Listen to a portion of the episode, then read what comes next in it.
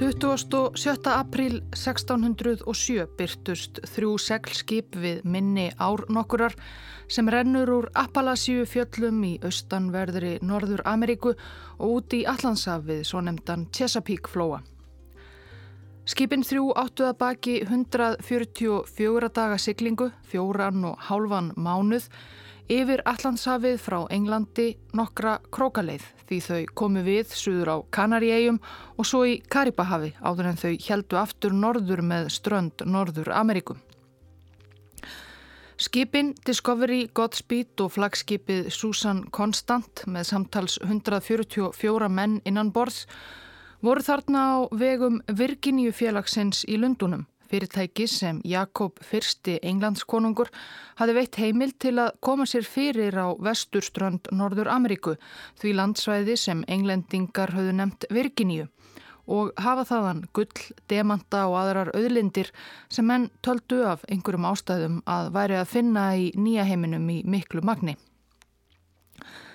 Tilraunir englendinga hinga til að koma undir sig fótunum í nýja heiminum, Ameríku álfum, höfðu gengið brösulega. Það voru enn hinn sönnu nýlendu stórveldi Spátn og Portugal sem þar leittu ferðina. En þann dag í dag veit engin með vissu til að mynda hverjurðu örlög 110 enskra landnema sem kom sér fyrir á Roanoke eigu úti fyrir því sem nú er vesturströnd Norður Karolínu 1587 og voru hornir þegar landar þeirra ætluð að vitja þeirra með vistir þremur árum síðar en það er önnur saga. Mennirnir, það voru allt karlmenn um borði þremur skipum Virginíu félagsins sem sildu inn Chesapeake flóa 27. april 1607 ætluði sér ekki að hverfa sporlaust en það myndi leiðangur þeirra rata á spjöld sögunar.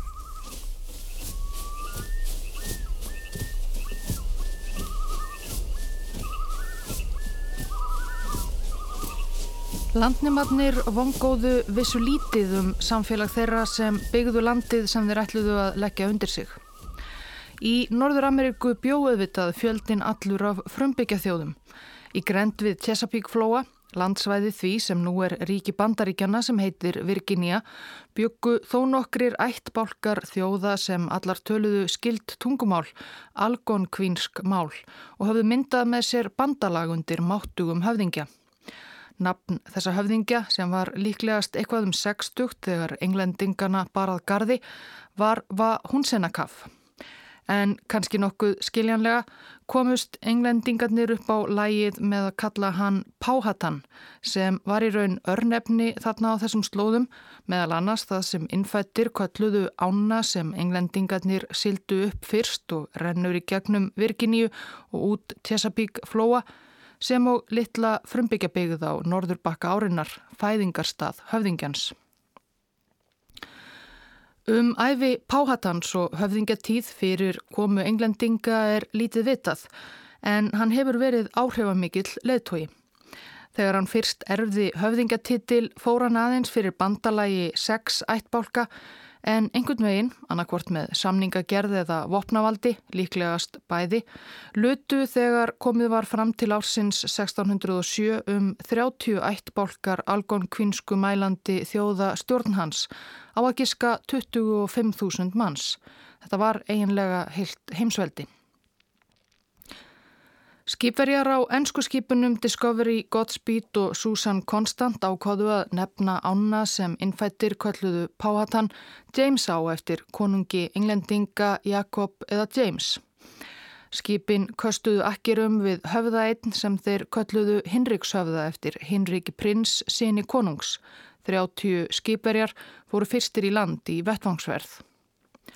Fundum ekkert sem verður að minnast á skrifaði eitt þeirra fyrsta daginn. Ekkert nema engi og allstór tré. Grænir skóar vissulega en gullið sem englendingar byggust við að finna í nýja heiminum blasti allavega ekki við svona fyrsta daginn.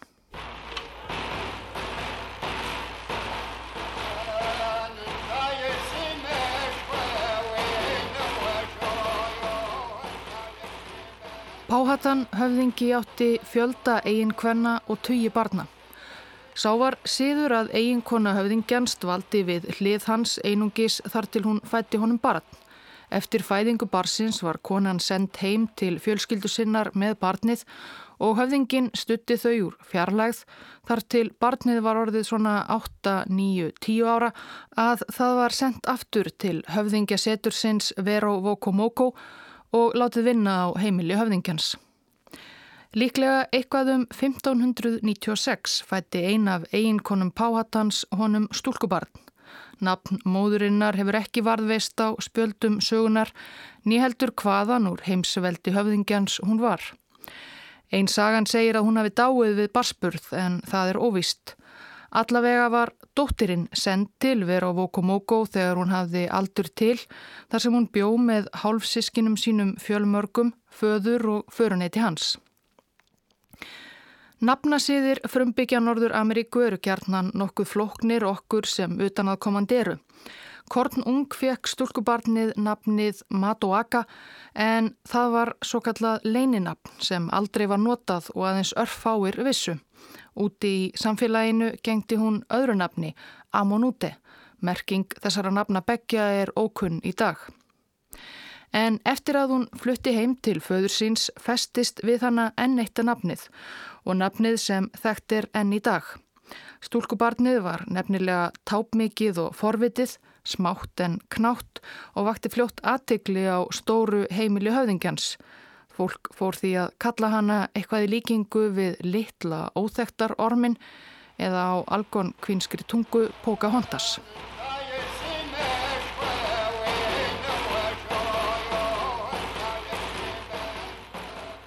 Sem ung stúlka við hyrð Páhatans má ætla að Pocahontas hafi gengið í kvannastörfin.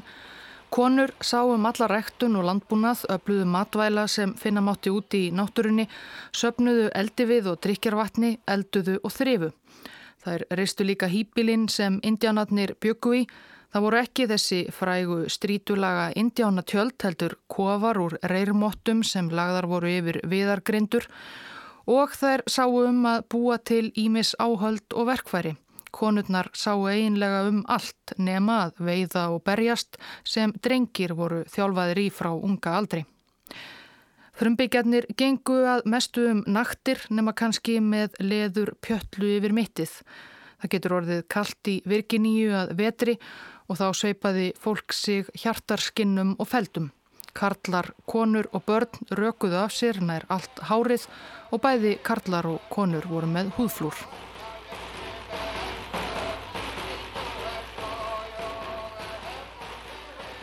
Það voru alls konar karakterar um borði í ennsku skipunum sem kom til Virginíu 1607.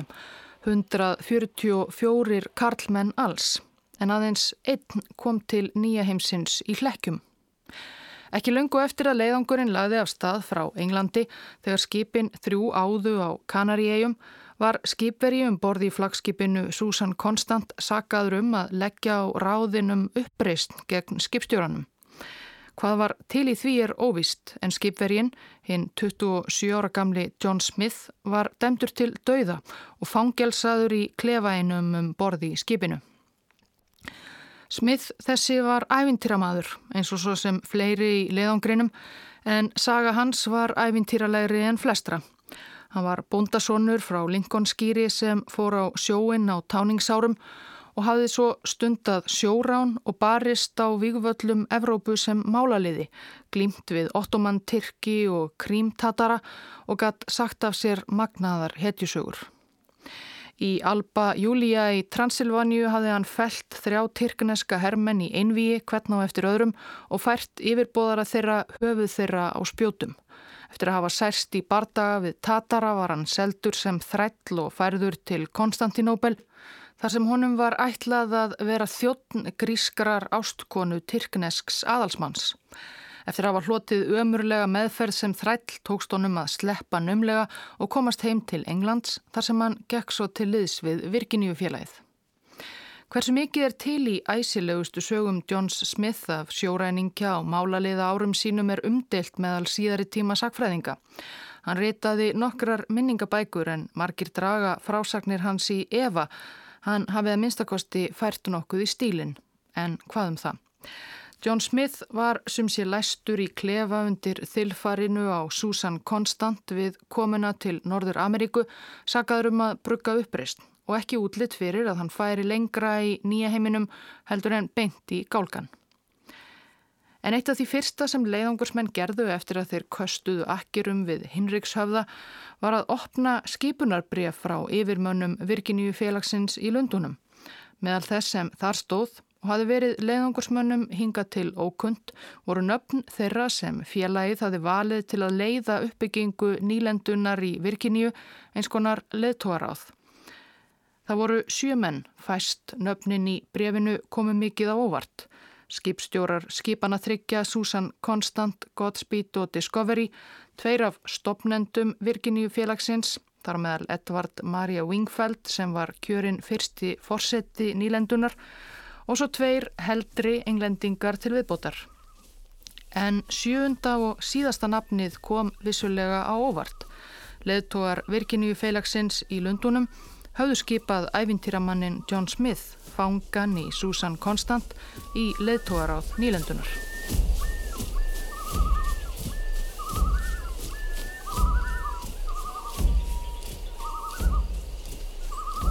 Annað sem fjalla var um í skipunarbrjöfum Virginíu félagsins var hvernig landnemar ættu að haga sér í samskiptum við innfætta. Evrópubúar vissu vitanlega að það var alls konar fólk sem þegar bjó í Ameríku álfunum og samskipti þeirra við innfætta höfðu hingað til verið heldur ofinsamleg. Ensku landnematnir í Virginíu þekktu vel sögurnur af því hvernig spánverjar höfðu farið með heimsveldi Azteka í Mið-Ameríku í upphafi 16. aldar og ynga í Suður Ameríku síðar á öldinni og fleiri álíka frásagnir. Englendingarnir ætluðu sér þó ekki að fara fram með viðlíka grimd í sínum leiðangri, vildu ekki vera eins og keppinautarnir spánverjar. Að knésetja innfætta var því ekki planið. Í leiðbenningunum stóð meðal annars. Á öllum ferðum ykkar verði þið að leytast eftir því að móka ekki innfætta, ef komist verður hjá því. Felið nokkru mönnum úr hópnum að stunda vöruskipti við þá fyrir korn og aðrar vistir. Þetta var góð strategíja. Það var engin leið að vita hversu vel landnemum myndi ganga að koma undir sig fótunum fyrstu mánuðina og hvernig myndi ganga að rækta korn og aðrar nöðsynlegar nýtjajörtir til vetrarins. Það geti vel verið að landnematnir yrðu því að reyða sig á vöruskipti við innfætta fyrstum sinn. Í leiðbeiningunum stóð ennfremur að landnema rættu að sækjast eftir að ráða innfætta sem leiðsugumenn til að kynnast landinu en einnig að hafa varan á sér. Leifa til að mynda aðeins vönum skittum að skjóta bissum í návist innfættra þar sem að mikilvægt væri að þeir síðar nefndu fengju þá tilfinningu að skotvopn englendingana væru óskeikul og eðileggingar máttur þeirra algjör.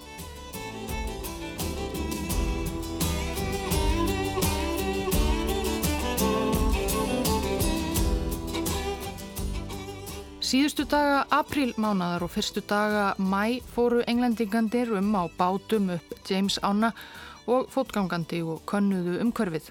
Ekki síst voru þeir að leita sér að áleitlegum stað til að slá upp varanlegum bækistöðum. Dag nokkurt gengu englendingarnir fram á hóp innfættra Karla.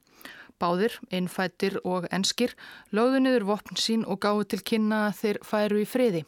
Úr varða þeir innfættu leittu hóp englendinga að heimkinnum sínum, kofaþyrpingu þar sem þeir buðu þakklátum og bísna forvitnum englendingum upp á kornbrauð að borða.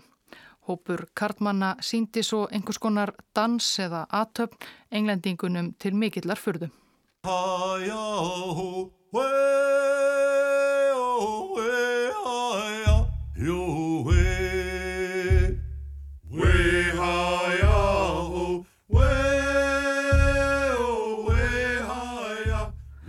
Kofaþyrpingin var heimkynni eins af ættbálkunum sem Páhatan drotnaði yfir.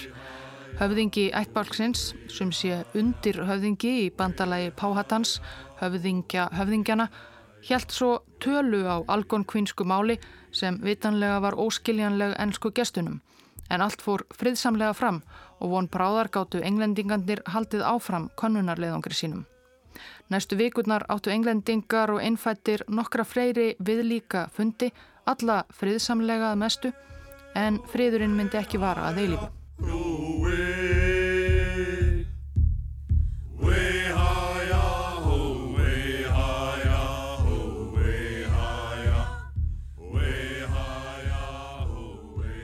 Fjórtánda mæ 1607 höfðu landnemar loks valið sér bæjarstæði. Það var við norðurbakka James Árinar eins og þeir kölluðu hana þar sem áinn var nægilega djúb við bakkan fyrir ennsk seglskip. Þá virtist gróðursælt í kring og langt var í næstu frumbyggja byggð sem var kostur. Landnemar sló upp tjöldum og ruttu fyrir matjúrstagörðum og nefndu staðin vitanlega eftir konunginum heima á Englandi Jamestown.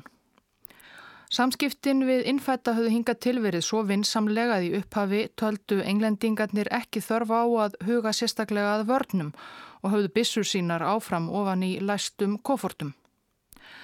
En þrátt fyrir allt var tortrygni á milli hópana tvekja og ekki leið á laungu þar til kom til stimpinga milli englendingana og indjána sem komu að verða fyrir sér mannvirkin sem aðkomu mennirnir voru að setja upp á veiðilendum þeirra. Eftir að nokkrir englendingar höfðu orðið fyrir markvissum örfum innfætra ákváðu þeir að reysa loks vegg um tjálpúður sínar.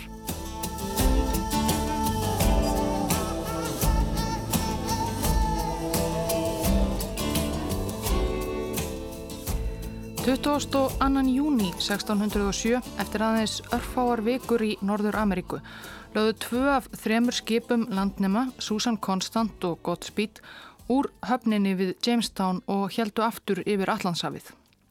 Skipin voru á leið heim að ná í vistir og flytja fregnir af afregum landnemanna hinga til og aðeins afregum.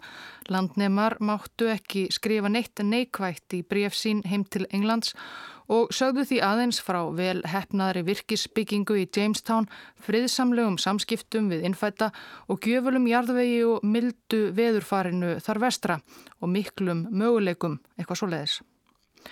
Eftir að Susan Constant og Godspeed sildu með áhöfnum sínum voru eftir 104 landnemar innan virkisvegjana í Jamestown og nú var tekið til hendinni, má ætla. Nei, ekki alveg.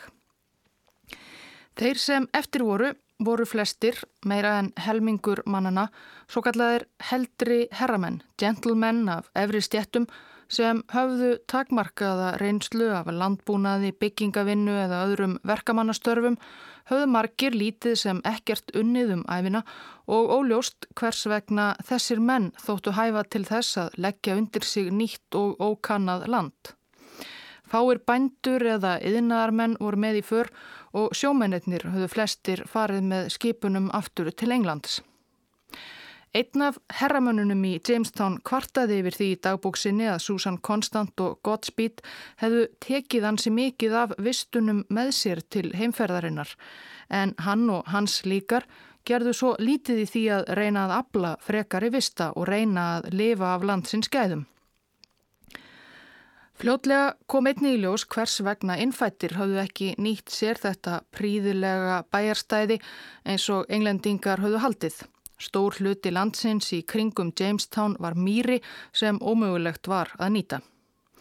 Að auki voru englendingarnir ofsengt á ferð til að fara að planta einhverju að ráði, það var komið hásumar og þeim að ofurum hafðu þeir lenda á svæðinu í einhverjum versta þurki á þessum slóðum í margar aldir.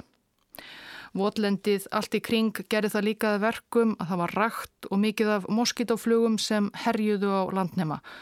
Og drikjarvatnið tóku þeir úr áni sem hafi verið reyn og tær þegar þeir komu að vori en þegar leið á sumarið blandaðist hún sjó og varð brim söllt. Ástandið í Jamestown var því fljótt ansi óbærilegt. Úr dagbók eins landemanna 7. ágúst dó John Asby úr blóðsótt. 9. dó George Flower úr bolgu. 10. dó herramadurinn William Brewster eftir að hafa verið særður af innfætum. 14. dag ágústmánadar dó Jerome Allicock úr sárum. Sama dag lést Edward Morris undir líþjálfi skindilega. Edward Brown og Stephen Galtrop dóu 15. 16. dó Tómas Gáer, herramæður. 17. dó Tómas Mánslik. Og svona helt þetta áfram vikum saman. Undir lok ágústmánaðar var næri helmingur landnemanna látin eftir aðeins tæpa þrjá mánuði í nýja heiminum.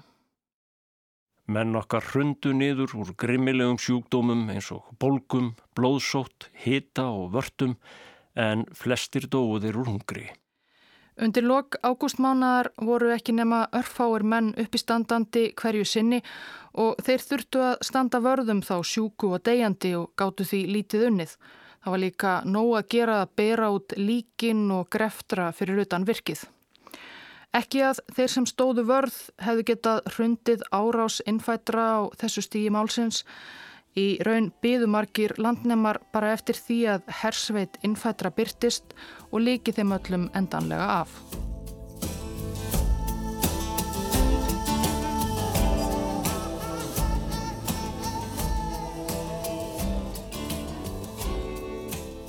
Einn í flokki leðangursmanna vildi þó ekki bara gefast upp og deyja. Það var John Smith, æfintýramadurinn sem hafi verið sagaður um tilraun til uppreysnar um borði Susan Constant. Hinnir leðtógarlandnema höfðu neitað honum um sætið í leðtógaráðinu sem honum hafi verið ætlað í Lundunum en honum var allavega hlýft við gálganum og látin laus. Smith nexlaðist á félögum sínum sem virtust frekar vilja svelta og rótna úr aðgerðarleysi frekar en að gera nokkuð sér til hjálpar eins og hann orðaði það. Í november fór Smith nokkrar ferðir á árabáti á samt nokkrum mönnum upp með James Áni að næstu indjónabegðum til að skipta við innfætta, fá korn og matvæli í skiptum fyrir ímsan varning sem innfættir girndust, aksir og eggvopn, gler og glingur. Þetta gekk vel. Smith átti auðvelt með samskipti við innfætta og skráði niður jafn óðum orð og setningar í tungu þeirra sem hann lærði orð eins og mokkasín, skór og tomahawk, exi. Skipstjórar á Susan Constant og Godspeed höfðu ætlað að snúa aftur í november en mánuðurinn leið og ekkert bólaði á skipunum. Svo að John Smith hjælt vöruskiptaferðum sínum upp með James á áfram og í desemberbyrjun 1607 lagði hann upp í þá örlagaríkustu.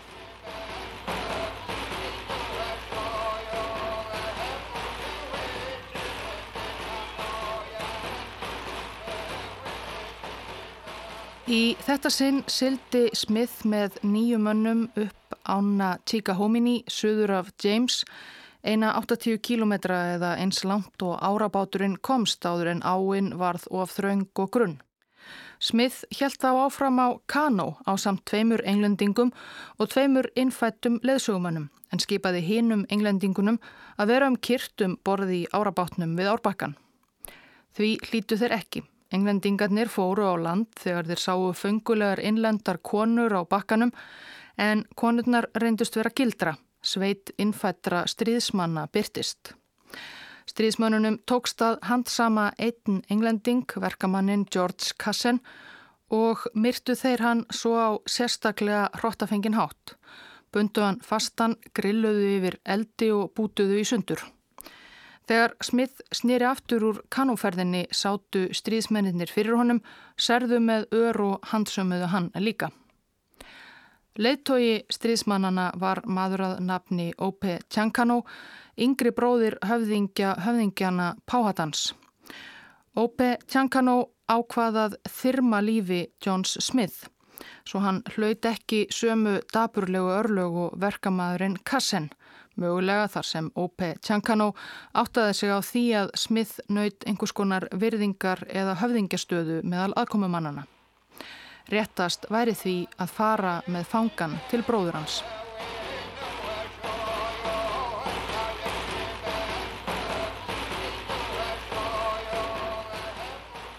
Þrítúasta desember eftir langt ferðalag í gegnum bæi og byggðir í heimsveldi Páhatans var kvítifangin John Smith loks leittur fyrir höfðingja höfðingjana í stórum samkomu kofa í höfuðborg heimsveldisins Verovo Komoko. Landnimatnir höfðu aðeins heyrt óljósar sögur af Páatan, engin barið hann augum fyrir nú. Hann satt við bálköst í öndvegi kofans, klættur í þvottabjarnarfeldi, maður á óræðum aldri eins og Smith lísti honum, kannski sextugur, kannski áttræður, gráhærður en sterkbyggður og hraustlegur, alvöruþrungin og tignarlegur á svip. Þegnar höfðingjans virtust bera fyrir honum óttablandna virðingu. Allir, skrifaði John Smith síðar, nema þá helst eitt stúlkubarn á að giska tíu ára. Það var litli óláta belgurinn Pocahontas sem þarna var orðin eftirlætis barn föður síns og komst upp með alla sína óknitti.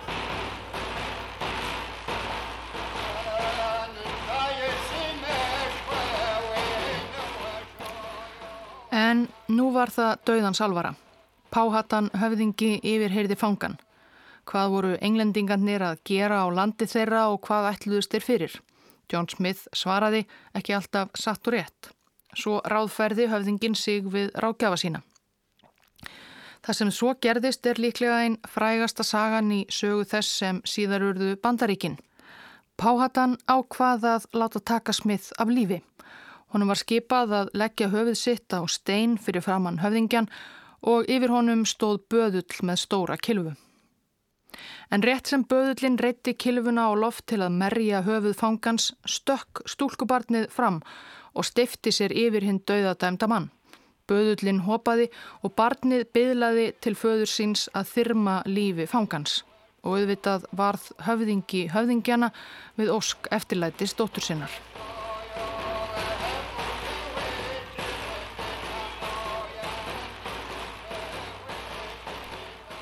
Þessa sögu er að finna nokkurnu eins svona í æfiminningum sem John Smith gaf út 1624. Í eldri frásögnum hans sjálfs sem varðveist hafa minnist hann hins vegar ekki á að hann hafi verið nálægt því að vera tekin af lífi eða að ung stúlka hafi bjargað honum svona á síðustu stundu. Margir hafa því leitt líkum að því að Smith hafi skáldað upp þessa sögu eins og hann er grunnaður um að hafa gert við ymsar frásagnir af æfisinni eða allavega fært í stílinn.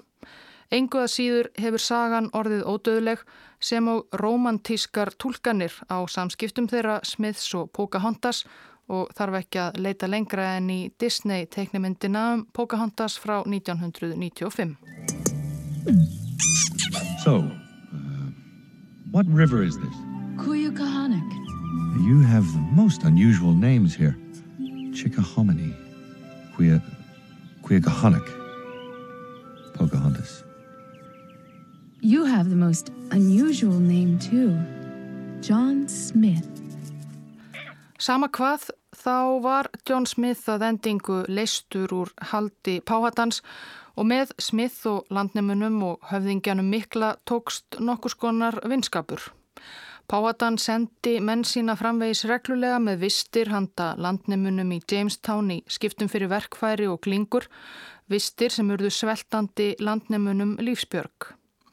Pocahontas, forvitin eins og hún var og frjálsleg, kom oft með sendibóðum föður síns til Jamestown hvað sem var til í sögu John Smiths af því þegar hún bjargaði lífi hans áttu þau greinilega í vinasambandi þegar þarna var komið sögu. Smith kunni orðið nokkuð í tungu hennar og gatt æft sig með stúlkunni og Pocahontas lærði af honum eitthvað í ennsku. Hún brá líka á leik með ennskum piltum yngstu íbúum nýlendunar. Samkvæmt frásögnum landnema velti hún sér um svæðið alls nakin í kollnís eftir kollnís eftir kollnís.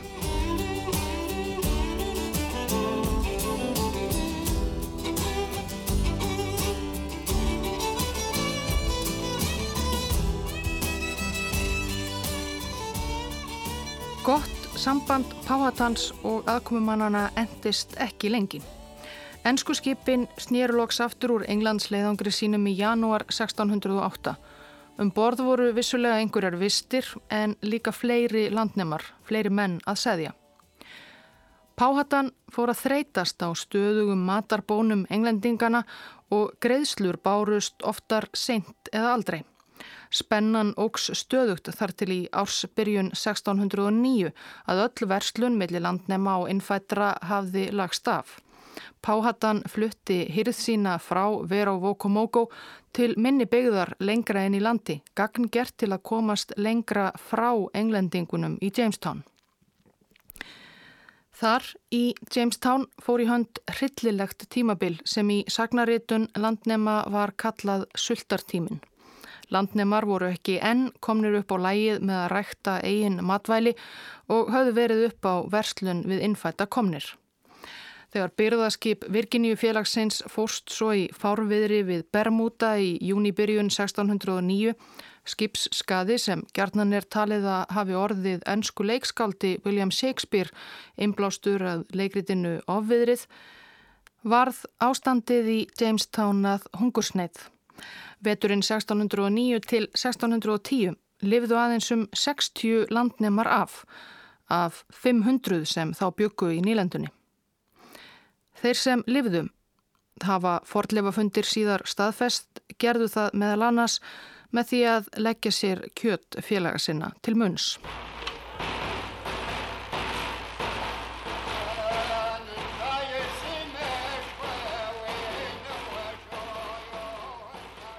Þarna 1609-1610 var Pocahontas okkar orðin 13-14 ára og því fullvaksta kona að mati samfélagsins.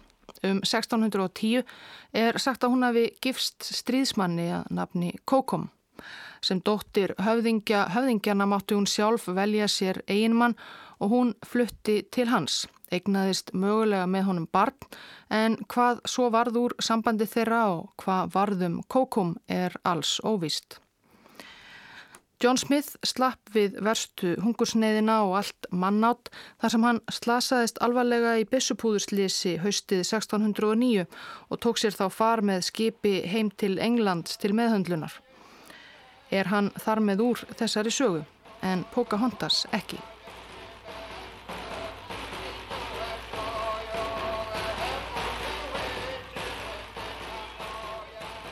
Eftir hungurveturinn 1610 var versta neyð nýlendunar að baki. Það komu byrðaskip og betur gekk að draga fram líftóruna en lífsbaráttan var þó aldrei auðveld. Eitt sem varð íbúum Jamestown til Haps var að til nýlendunar kom skipstjóri að nafni Samuel Argal og í mars 1613 sildi hann upp Potomac ána og tókst að koma á viðskiptasambandi við ættbálkin Patavomek sem var á jæðri veldis páhatans en ekki eins andsnúin aðkomufólkinu og höfðingin mikli var þá orðin. Það var í einum af þorpum Patavómek ættbálksins, Passabatansi, sem að Argal rakst á þekta personu, dóttur höfðingjans mikla Pocahontas sem þar bjó með manni sínum og þá fekk hann hugmynd.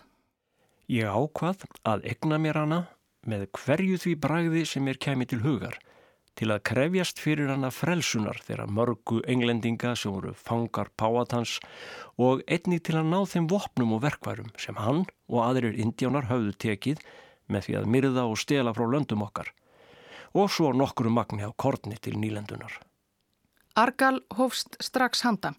Hann hótaði undirhauðingja í þorpinu til að svíkja Pocahontas og gappa hana með sér um borði skip Argals við bakka Potomac þar sem hún var snarlega tekin höndum.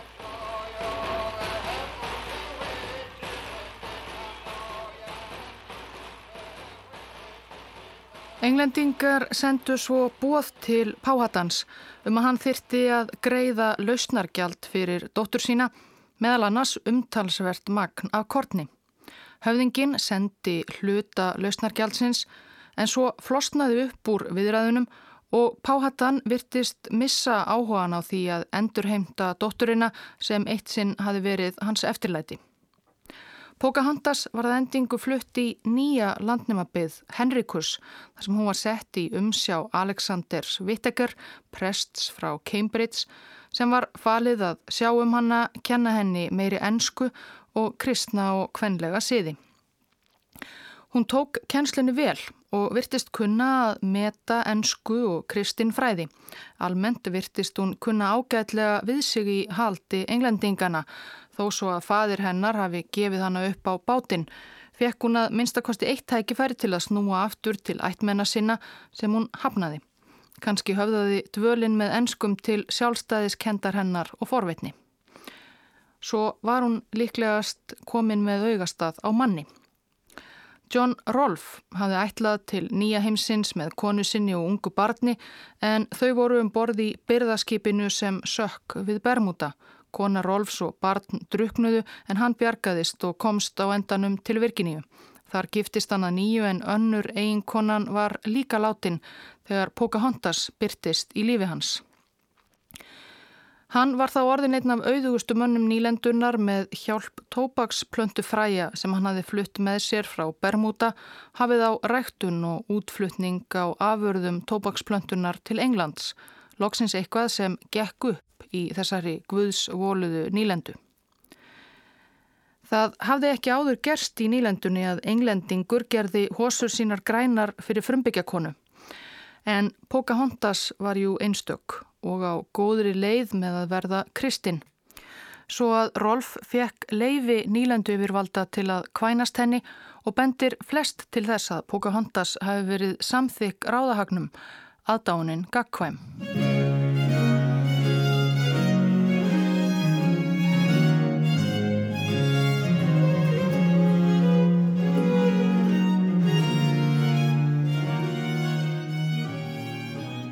Pocahontas var skýrð til Kristinar trúar og fekk nafnið Rebecca en notum þó áfram þekktara nafn hennar hér.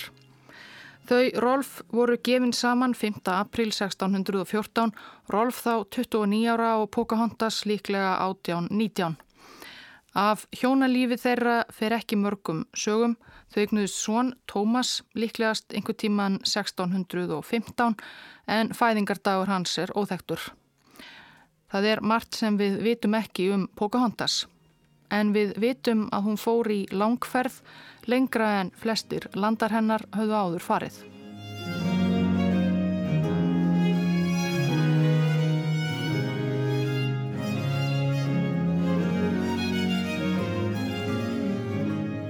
Eitthvað tópak hafði borist frá nýlendunni en ekkert gull, engir demantar, ekkert af þeim mögnuðu auðæfum sem fjárfæstar í Virginíu félaginu höfðu verið fullvissir um að finna mætti í nýja heiminum.